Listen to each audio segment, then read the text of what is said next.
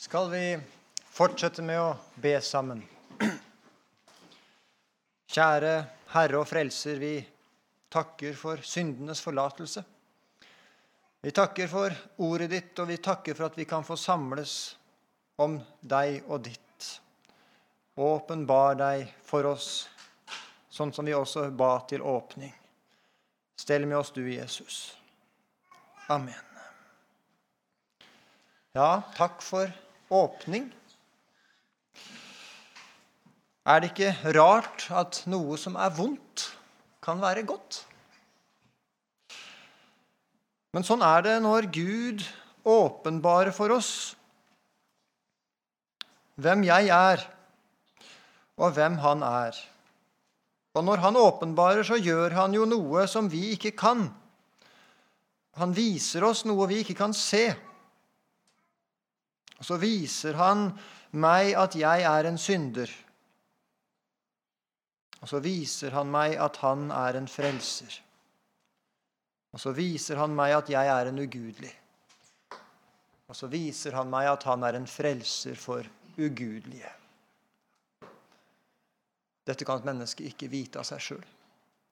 Men i Gud, og gjennom å høre, så åpenbares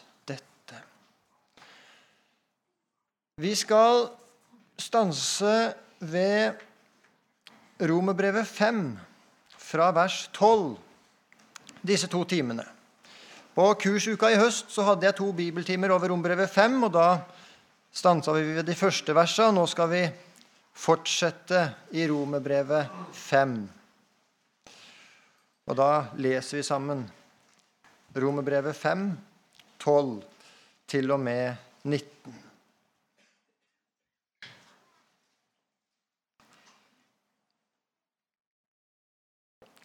Derfor, liksom synden kom inn i verden ved ett menneske, og døden på grunn av synden, og døden slik trengte gjennom til alle mennesker, fordi de syndet alle. For vel var det synd i verden før loven kom, men der det ikke er noen lov, blir synden ikke tilregnet.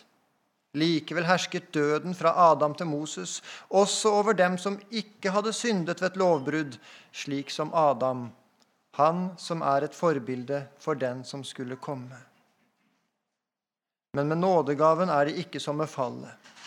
For er de mange døde på grunn av den enes fall, så er meget mer Guds nåde og nådens gave i det ene mennesket, Jesus Kristus, blitt overmåte rik for de mange. Og med gaven er det ikke som da den ene falt, syndet. For dommen kom etter den enes synd og ble til fordømmelse. Men nådegaven kom etter manges overtredelser og ble til frifinnelse. For om døden kom til å herske ved den ene fordi den ene falt, hvor meget mer skal da de som mottar nådens og rettferdighetsgavens overstrømmende rikdom, leve og herske ved den ene, Jesus Kristus. Altså like som én manns overtredelse ble til fordømmelse for alle mennesker, slik blir også én manns rettferdige gjerning til livsens rettferdiggjørelse for alle mennesker. For liksom de mange kom til å stå som syndere ved det ene menneskets ulydighet, så skal også de mange stå som rettferdige ved, ene, ved den enes lydighet. På to timer så kan vi ikke noe annet enn å skrape litt i overflaten av det vi skal stanse ved her. Vi må ta et lite utvalg av hva vi burde, både i dybde og bredde. Og det er så mye å si om dette. Det er så mange steder vi kunne og burde gravd dypere enn det vi gjør i formiddag. Og det er litt som å skulle forsyne seg med ost fra et ostehjul. Enten så kan man skjære seg inn til midten, en sånn liten sektor, eller så kan man skrape litt med en ostehøvel på siden. Og i dag tror jeg det blir litt ostehøvel, litt oversikt over det vi skal stanse ved. Vi møter her to menn som på en helt spesiell måte får følger for resten av menneskeheten. Fordi Adam gjorde det han gjorde, så er din natur, dine livsvilkår, ditt vesen din naturlige livsretning, din lyst, en annen enn den hadde vært om han hadde valgt å gjøre det han skulle gjort. Adams valg og retning fikk følger for alle andre menneskers valg og retning. Det er Adams virkning. Adam falt, og Adam han valgte overtredelsen. Og det endret hans natur og retning. Og din natur og retning er derfor av Adam. Og når du er misfornøyd med det du har og er, så er det en følge av Adams gjerning. Når du er misunnelig, vil ha det noen andre har, så er det arven etter Adam. Og når det blir vanskelig mellom deg og dine medmennesker, på alle plan, så er det en følge av Adams valg. Og når ditt liv det er fylt av uro og ufred og angst, så er det en følge av Adam. Og når du er mismodig, så er det en følge av Adam. Når du velger synden, så er det en følge av Adam. Og det at du av naturen er en fiende av Gud og en fiende av Guds vilje, så er det en følge av Adam. Og når du vil noe annet enn det Gud sier at du skal ville, så er det en følge av Adam.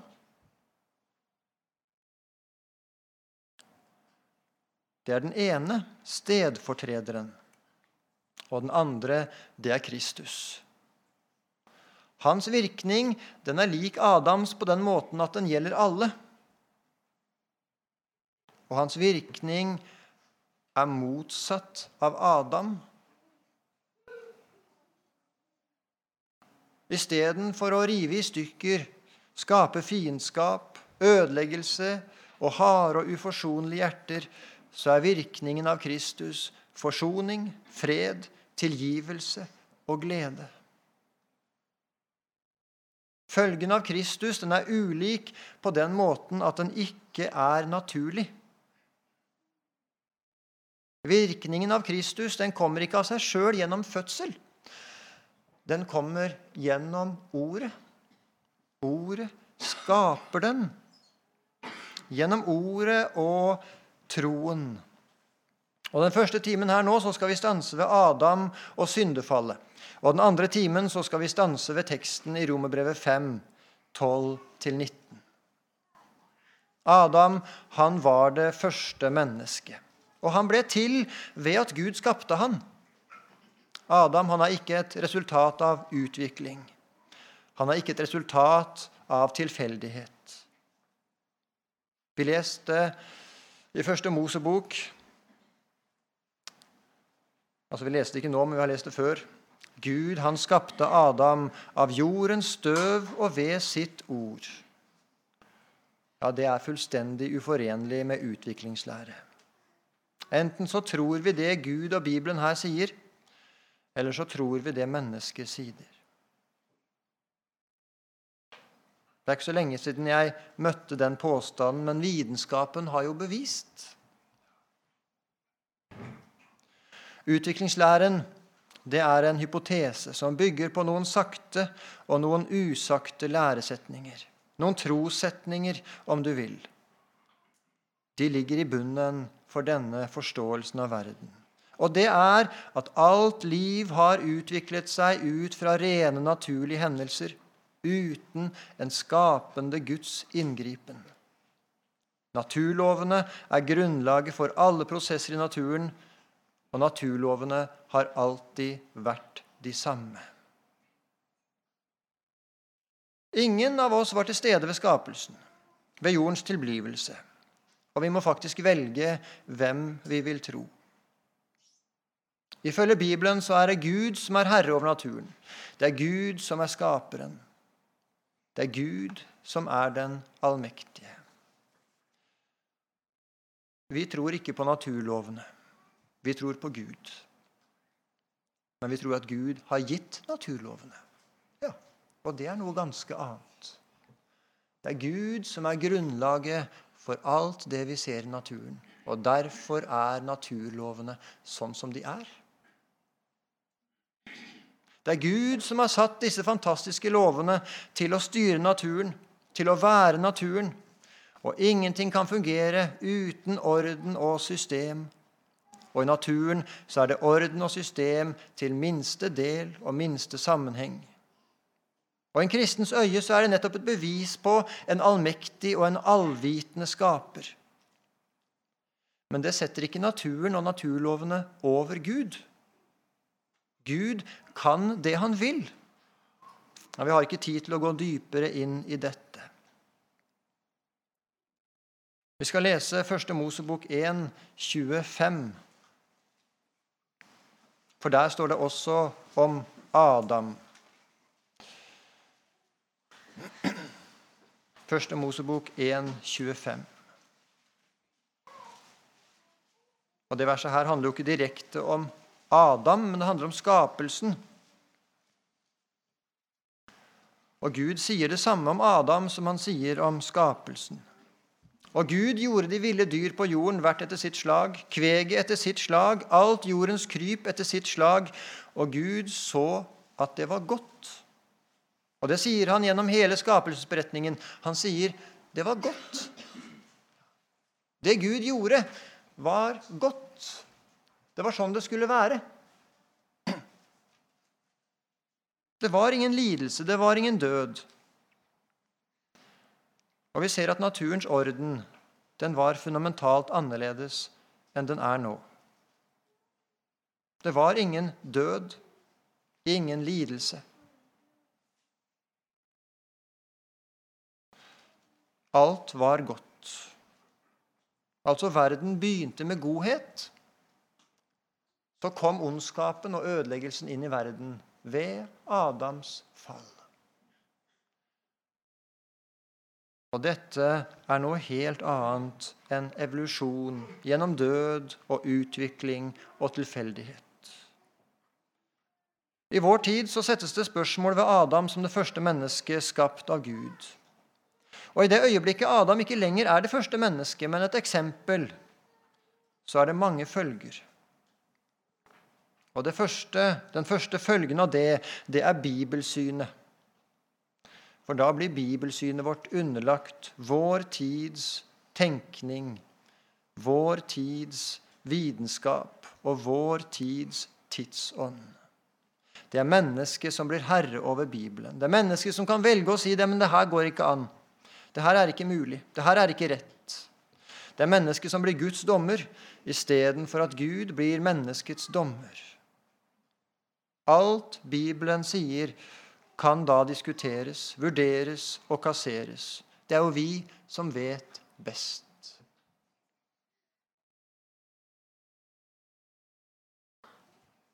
Hvor kommer omvendelsen inn i bildet her?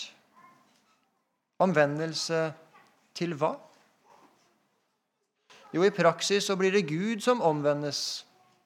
Omvendes til mine tanker, mine verdier, hva jeg kan tåle, hva jeg kan synes om Gud. Og så må Gud endre seg til hva jeg synes passer. Og så kan mennesket si 'Min Gud er ikke slik'. En slik Gud kan ikke jeg tro på. Punkt to det er at syndefallet forsvinner.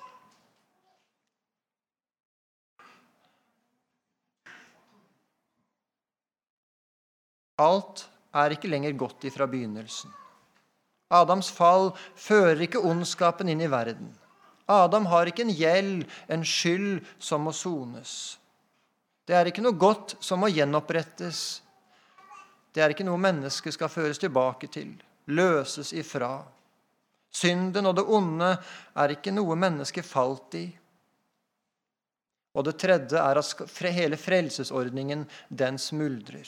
Hele vitnesbyrdet om de to stedfortrederne blir meningsløst, for den første er ikke en stedfortreder.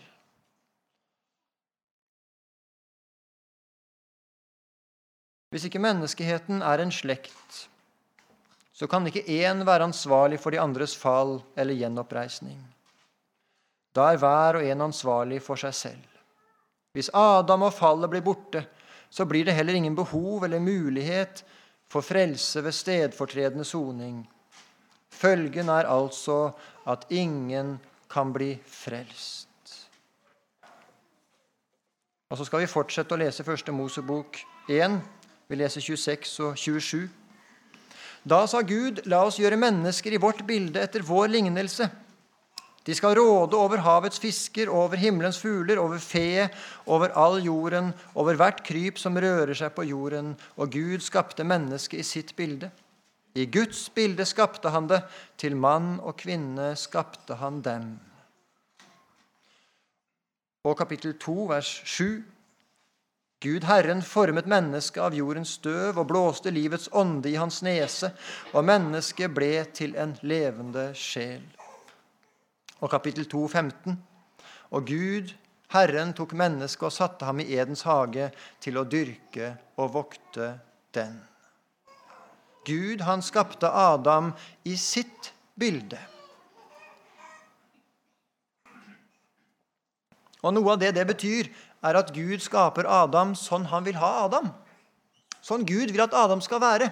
Sånn gjør han Adam. Altså fullkommen. Alt ved Adam er rent, godt, sånn det skal være. Men det er også en mulighet for vekst i erfaring, vekst i modning. Adam han var ikke Guds hånddukke som Gud styrte. Han skulle ta valg, han skulle vokse, han skulle modne. Og Gudbilledligheten den består også i at Gud skapte Adam til å ligne seg. Ha noen av de egenskapene og rollene som Gud har. Ikke være Gud, nei, men likevel ligne Gud. Og mye av gudbilledligheten den ble ødelagt i fallet. Men noe ble værende. Mennesket er et åndsvesen. Mennesket er ikke et dyr. Adam har sjel. Adam har bevissthet. Han har en indre verden. Det har du også. Du er deg. Ingen andre vet hvem du er på innsiden. Ikke engang mamma og pappa vet det. Ingen vet hva som rører seg inne i deg, annet enn du og Gud. Du er en levende sjel. Du er ikke et dyr.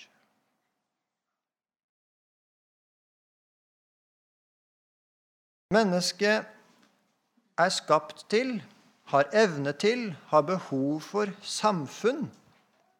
Å høre sammen med andre mennesker, komme på nyttårsleir, treffe andre, ha behov for samfunn med Gud.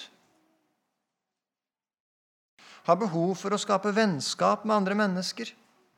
Å være menneske det er å ha behov for å stå i relasjon til andre. Akkurat som Gud i treenigheten hadde en fullkommen relasjon seg imellom, så er du skapt til det samme.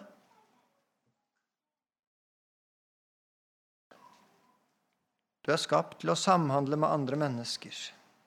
I samliv, arbeid, familie, sport, lek, venner.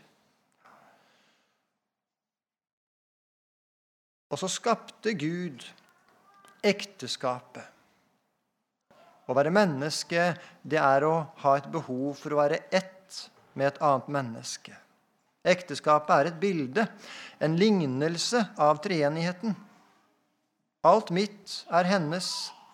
Gleden og det grunnleggende behovet for å leve for en annen, gi alt for en annen.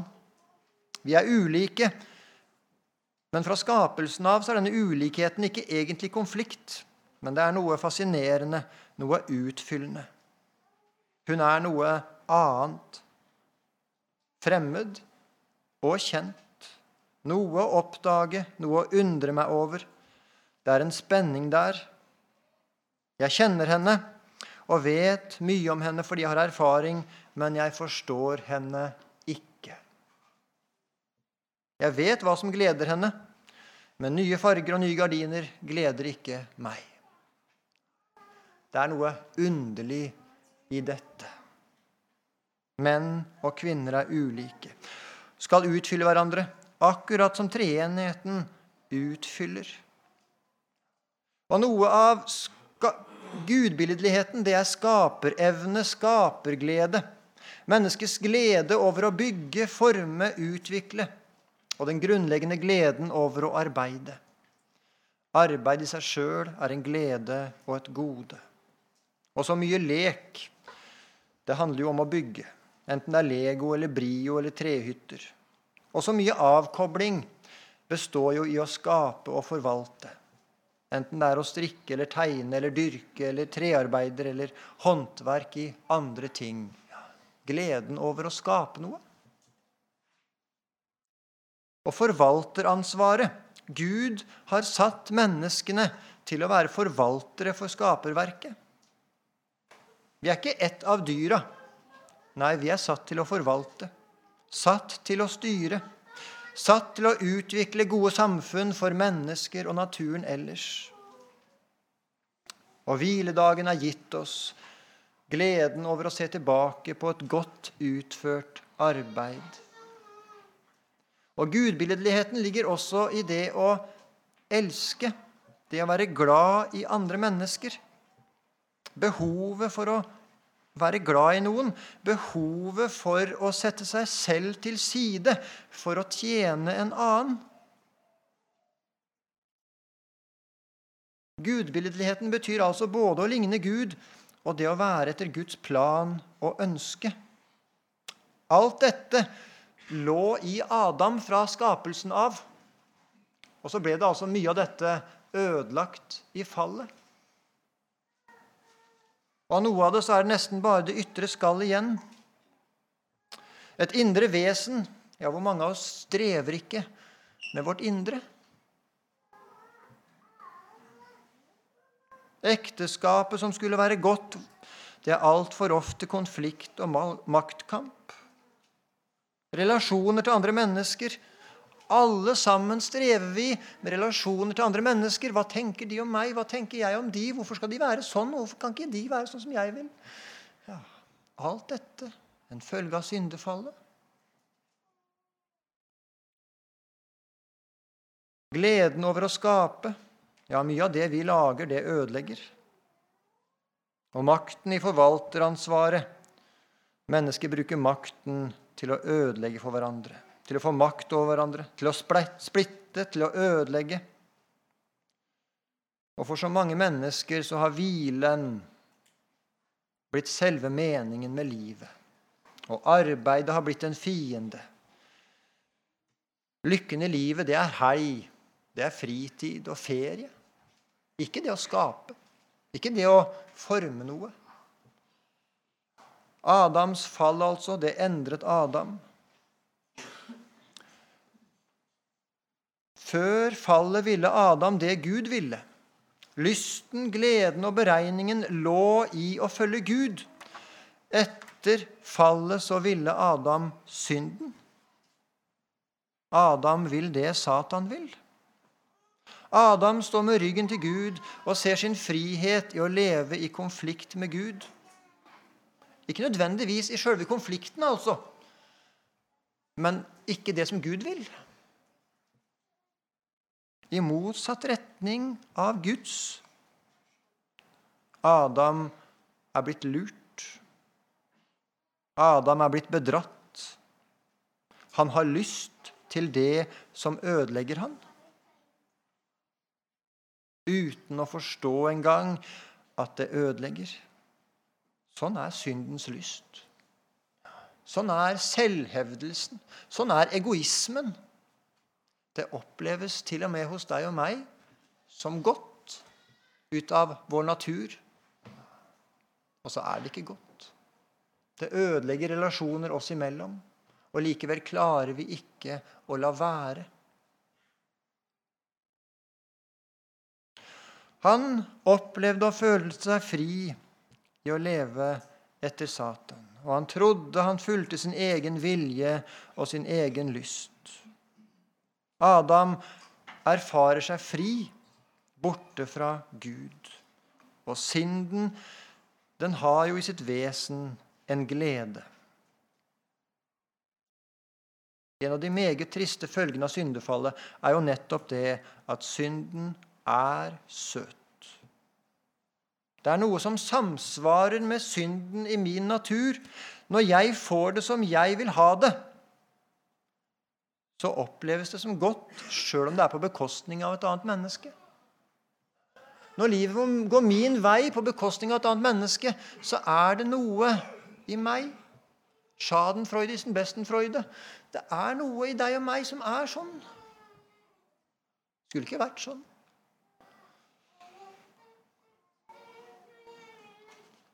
Synden er deilig.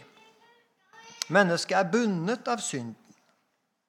Det destruktive i synden er skjult for mennesket. Det er mennesket etter den gamle naturen mennesket etter Adam. Det er kanskje lettere å avsløre syndens vesen og svik når vi ser åpenbar avhengighet. Når vi ser hva rusmidler som alkohol og narkotika fører med seg. De må jo ha gode sider. Ellers så hadde jo ikke så mange kjempet for å få bruke dem. Ellers så hadde ikke så mange mennesker brukt hver eneste helg i sin ungdom. Det må jo ha noe å gi.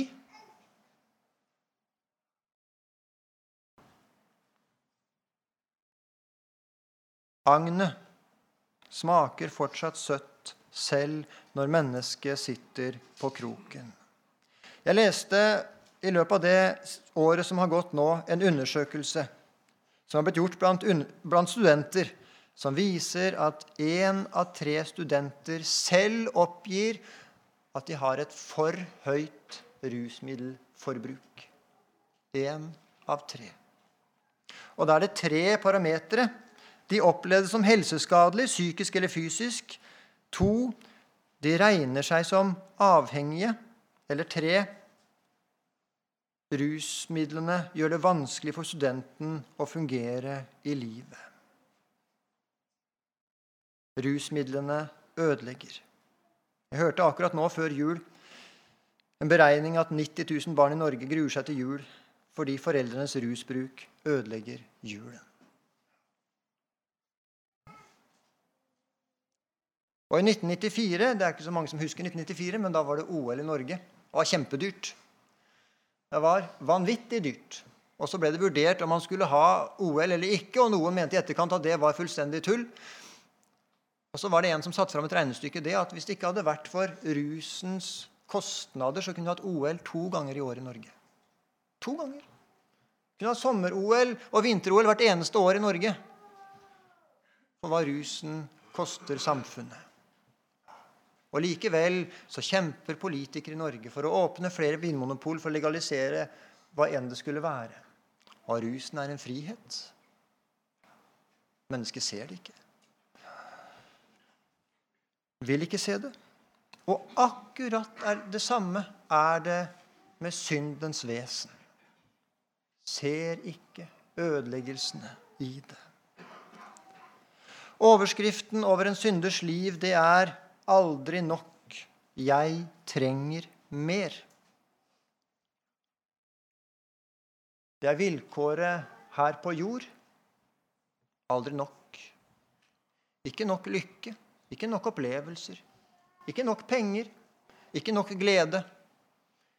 Aldri flink nok, aldri pen nok, aldri morsom nok, aldri nok venner. Aldri nok.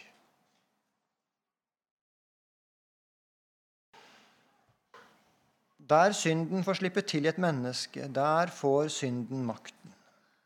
Den blir livsmålet. Lysten blir bundet til det som ødelegger og river ned. Synden den har alltid skilsmisse, den har alltid brudd som følge. Alltid. Det første den gjør, hvis hun skal begynne på en sånn skala, selv om det ikke er den første, den setter skille mellom mennesker. Den ødelegger fortrolighet. Den ødelegger tillit. Den ødelegger ærlighet. Synden gjør oss egoistiske, mistenksomme, hatefulle, såre og beregnende og mere til. Synden, den ødelegger samvittigheten.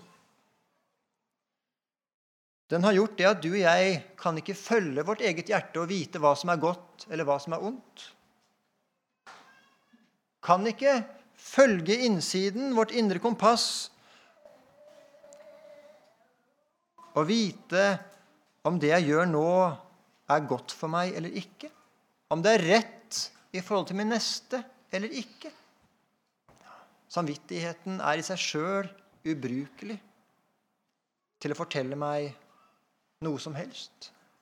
Det er bare når samvittigheten er styrt av Guds ord, at samvittigheten kan brukes som kompass. Derfor må du hele tiden handle i strid med din samvittighet. Ja, det må du. Enten så er din samvittighet lovisk og sier at hvis ikke du gjør det og ikke gjør det og ikke gjør det, så kan du ikke være Guds barn. Eller så sier samvittigheten det andre. Det er ikke så farlig. Alle andre gjør det. Du kan gjøre det, du òg. Og du skal bare gjøre det én gang, og så skal du slutte. Din samvittighet er i seg sjøl rammet av syndefallet. Fanget av syndefallet. Men hvis du ikke kan følge samvittigheten, hva skal du gjøre da? Jo, da må du følge Guds ord.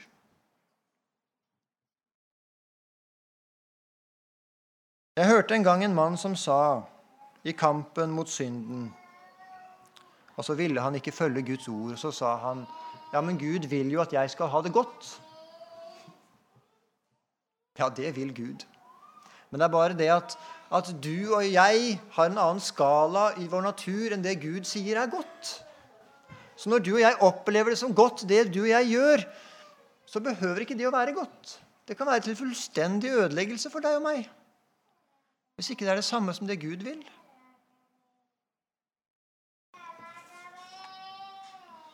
Det du tenker er godt, er altså ikke nødvendigvis godt. Det kan du bare få vite gjennom Bibelen, hva det er som er godt. Det viktigste skillet synden setter, det er at synden gjør Gud til din fiende. Du blir en fiende av Gud. For synden er alltid og først og fremst et opprør mot Gud, også når du synder mot et annet menneske. Hvorfor skal Gud være så vanskelig, da? Hvorfor kan han ikke bare tilgi synden og så være litt romslig i forhold til synden? Sånn at ikke synden kan ødelegge så mye. Ja, sånn tenker det naturlige mennesket. Hvorfor kan ikke Gud være rimelig? Hvorfor må han være vanskelig? Gud er ikke vanskelig. Men det er litt som om et av barna hjemme skulle rømme hjemmefra velge å ikke ville høre til hjemme. Og bygger seg en hytte i skogen og vil heller bo der. For jeg vil ikke bo hjemme. Ville det da løse problemet om mor og far ga bort huset sitt og bosatte seg ved siden av barnet i skogen? Nei, det vil ikke løse noe problem. For det første ville ikke barnet være hos mor og far. Det var jo det som var saken. Det ville ikke hjelpe om mor og far kom springende etter for å bo i skogen hos barnet sitt. Og for det andre så ville det ikke vært godt for dette barnet eller foreldrene eller noen annen å bli boende i skogen. Uten hus, uten mat, uten noe som helst. Det er ikke barnet som kan bestemme hva det er som er godt i denne sammenhengen her. Og det at mennesket velger synden, velger det som er ondt, det løser ikke problemet om Gud skulle gå inn på samme vei.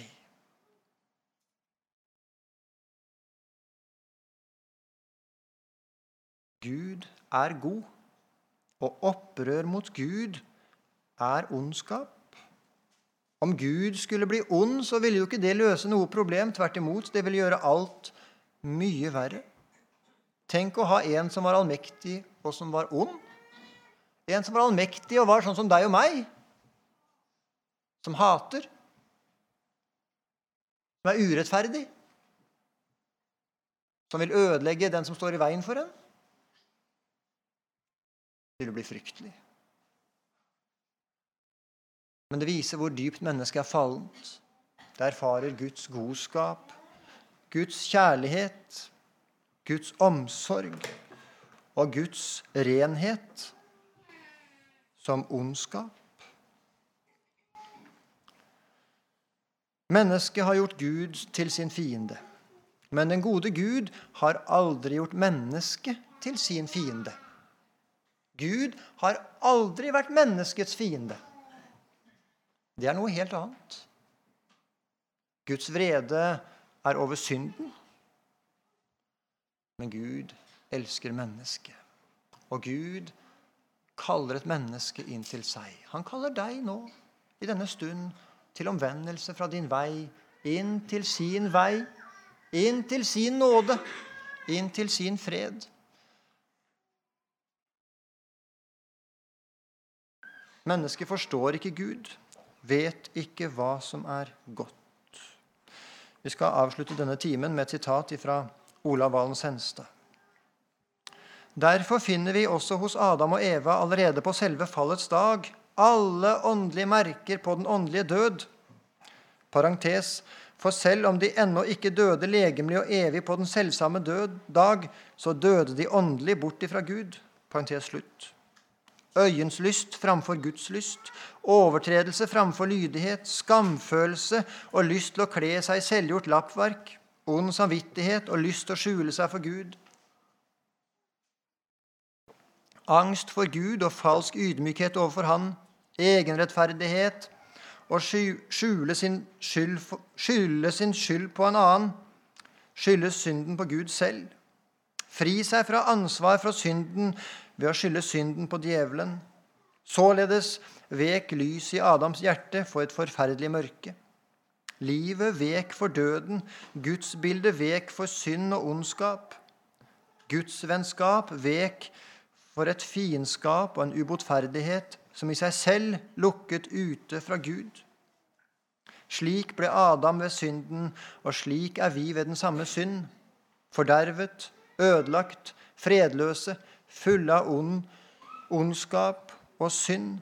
Fulle av vantro og skepsis, fulle av ond vilje og en uren begjæring av naturens, vredens barn. Og hvor vi mennesker er i stand til å ødelegge alt for oss selv ved syndens blendverk, og hvor vi er formørkede og uforstandige. Da vi innbiller oss at vi skal bli Gud lik ved synd og egenvilje, og skjønner ikke at dette er fiendskap mot Gud, som gjør en stadig skilsmisse mellom han og oss. Sitat slutt. Da tar vi en pause. Er ikke fram til halv.